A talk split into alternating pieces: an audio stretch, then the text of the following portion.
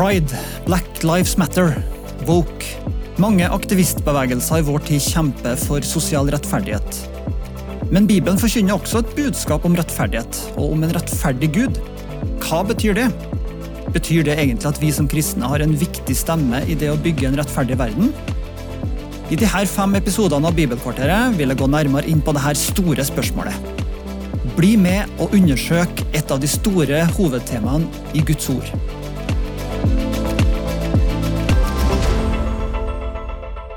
Forrige episode avslutta med at rettferdighet er et av nøkkelårene i Bibelen og nevnes hundrevis av ganger.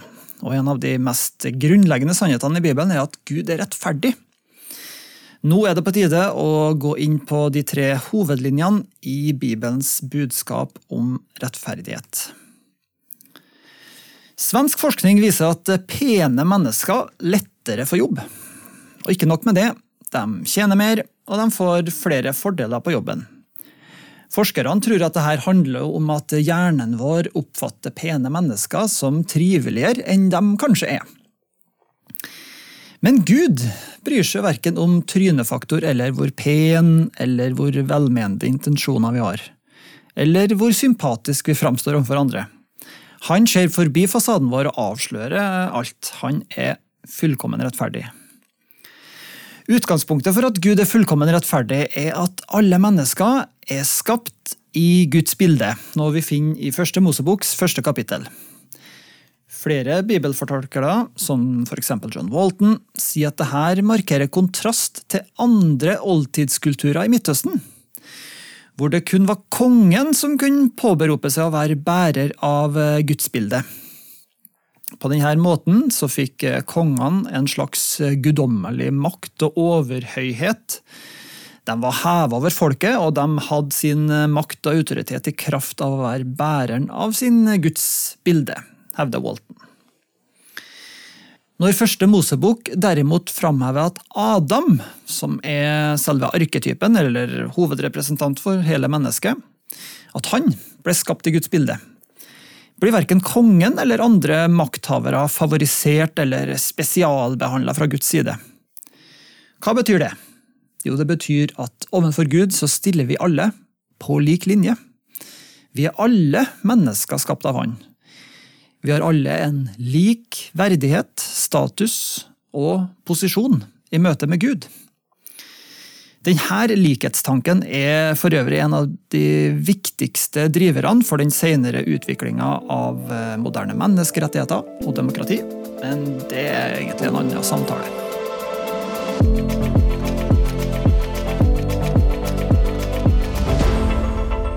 Tilbake til temaet. Vi nordmenn vi er såpass vant til å tenke om oss sjøl som likeverdig fordi vi har bodd i en verdensdel prega av kristendommen i ca. 1000-2000 år. Men en sånn tankegang som vi har om her, den er fundamentalt annerledes enn det menneskene opplevde i faraos Egypt, hvor farao ble opphøyd, guddommeliggjort og frykta. Eller i Perserriket, hvor eh, dronning Ester og profeten Daniel risikerte livet sitt fordi de ikke bøyde av for perserkongens eh, maktbruk. Men tilbake til likhetstanken. Hva betyr den for oss? Jo, den betyr at eh, enten du er en influenser eller mobbeoffer, millionær eller tigger, vellykka eller mislykka, tradisjonell eller progressiv, sympatisk eller ufordragelig, så ser Gud på oss alle først og fremst som mennesker skapt i hans bilde. Der vår sosiale sosiale gruppetilhørighet eller vår sosiale kategori det betyr null og niks i Guds øyne. Gud favoriserer absolutt ingen av oss ut fra våre prestasjoner, våre intensjoner eller vår kulturelle bakgrunn. For Gud er det egentlig uvesentlig om vi har vår kulturelle bakgrunn fra homomiljøet, bedehuset, Midtøsten, anarkistmiljøet, Fremskrittspartiet, statskirka, alternativmessa, whatever. Det som er viktig, er om vi hver dag velger å være en etterfølger av Jesus, sjøl om det innebærer å gå mot strømmen.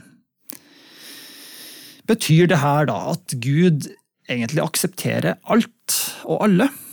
At det vi sier eller gjør, ikke har noe betydning for den. At alle er gode nok.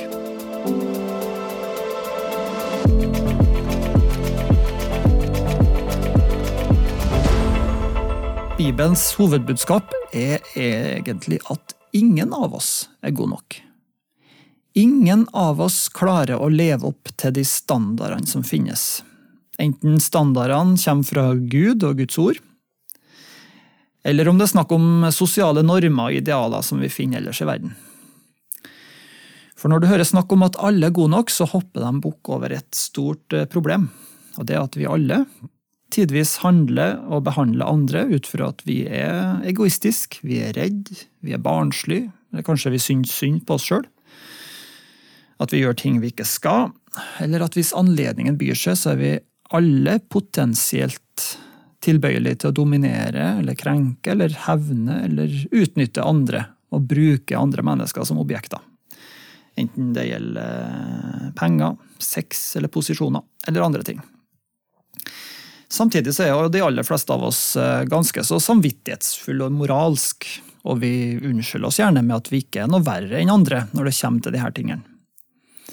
Men tenker vi ordentlig etter, så finnes det situasjoner hvor det har skjedd ting som ikke er bra, og hvor ansvaret peker på det eller på meg.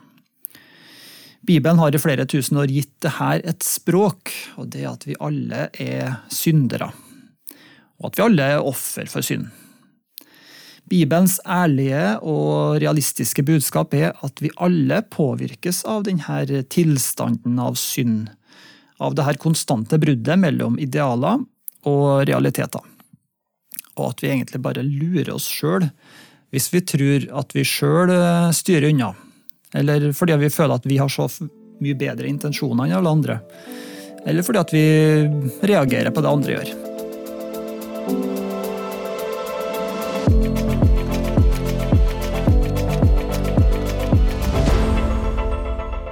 En kunne kanskje tenke seg at en allmektig gud bare kunne sette en strek over alt dette og si greit, alle sammen feila.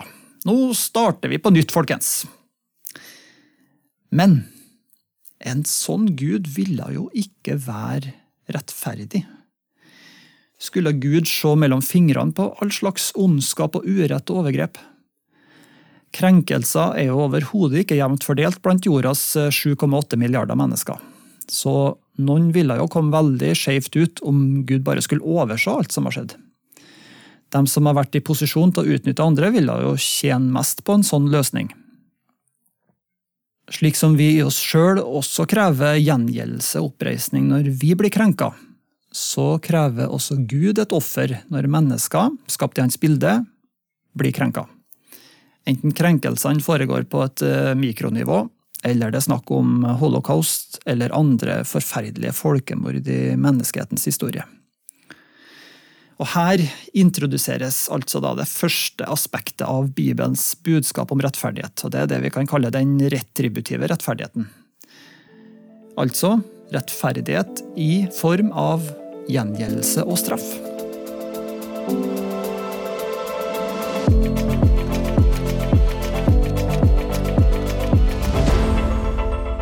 Sånn vi vanligvis tenker om rettsvesenet i vårt samfunn det er jo der for å straffe dem som bryter loven.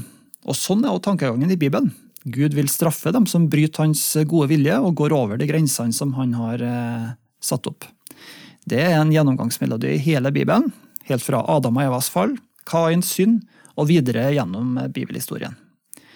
For kristendommens svar er at Gud har tatt affære når det kommer til det med synd og urett i verden. For i ei folkegruppe som hadde venta i århundrer på en frigjøringskonge for alle folkeslag, så ble det født en gutt for 2000 år siden under ganske fattigslige kår. Han viste både i ord og gjerning hvordan en frigjøringskonge står opp for de utslåtte, svake og fattige, til stor provokasjon for den politiske og religiøse eliten i Israel. Og den blodige og smertefulle og forferdelige korsfestelsen av denne Jesus fra Nasaret det blir Guds øyne opphøya til noe større enn bare en hvilken som helst romersk henrettelse. For ved den forkynner vi at Guds egen sønn ble gjort til soning for hele verdens synd. Og denne soninga forkynner det viktigste vi mennesker trenger å høre i løpet av livene våre. Den som har gjort urett mot andre, den kan se til korset og si Gud tok det jeg gjorde, på alvor, men han tok straffen som jeg skulle hatt og den som er fornærma, kan se til korset og si Gud tok det som skjedde med meg, på alvor. Men jeg trenger ikke å hevne meg sjøl på overgriperen, men jeg trenger å tilgi den sånn som jeg sjøl har blitt tilgitt og fortsatt kan tilgis. På denne måten demonstrerer Gud sin rettferdighet. Han verken ignorerer eller bagatelliserer noe av det som har skjedd, men han strekker ut hånda og inviterer oss alle til forsoning. Han sier til oss som syndere, ta ansvar, bekjenn det du har gjort som du angrer på. Trenger du å gjøre opp med noen du har krenka, så følg samvittigheten din, innrøm det du har gjort og be om tilgivelse, og start et nytt liv med meg som din frelser Herre. Samtidig så sier han til oss som den som er fornærma, ikke bli et offer. La meg overta det du bærer på av hevn og behov for gjengjeldelse. Dem som ikke bryr seg om det de har gjort mot deg, vil jeg dømme for er rettferdig. Kom så og start et nytt liv med meg som din frelser og herre, sier Gud. Å ta det herre innover seg, det kan selvfølgelig være en veldig krevende prosess individuelt, avhengig av hva du har gjennomgått. Men på denne måten så kommer Gud oss i møte på noen av de største og vondeste problemene som vi menneskene kan møte på. Behovet vårt for hevn og gjengjeldelse av grov og krenkende urett. Byrden vår av skyld og dårlig samvittighet over den uretten vi har begått mot andre, enten stort eller smått. Og behovet for å gjenopprette verdigheten og sjølrespekten både hos dem som har blitt krenka, og behovet for forsoning overfor dem som har begått en ugjerning. Sånn at de kan leve sammen i fred og jevnbyrdighet på tross av det som har skjedd. I neste episode vil vi gå videre og se på det andre aspektet av Guds rettferdighet. Følg med i neste episode.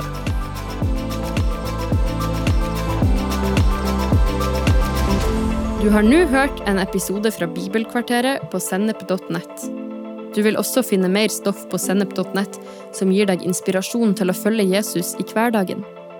Innholdet på Sennep er gratis og tilgjengelig for alle, takket være økonomisk støtte fra kristent nettverk, menigheter og enkeltpersoner.